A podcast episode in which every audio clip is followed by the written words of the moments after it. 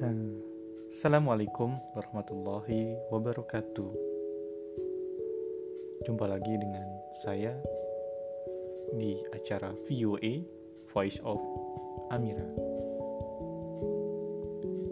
Ada tiga golongan manusia menurut Ali bin Abi Thalib radhiyallahu anhu berkata, manusia terdiri atas tiga golongan.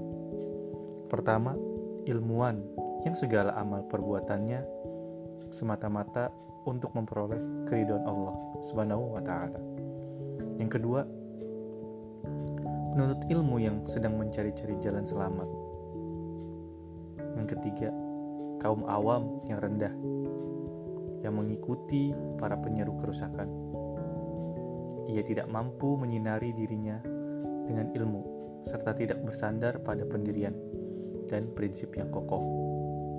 Itulah tiga golongan manusia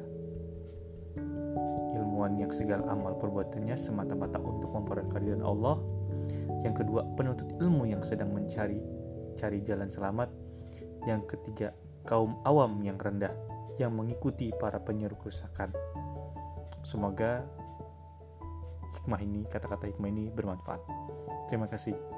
Sampai jumpa di voice VOA selanjutnya. Assalamualaikum warahmatullahi wabarakatuh.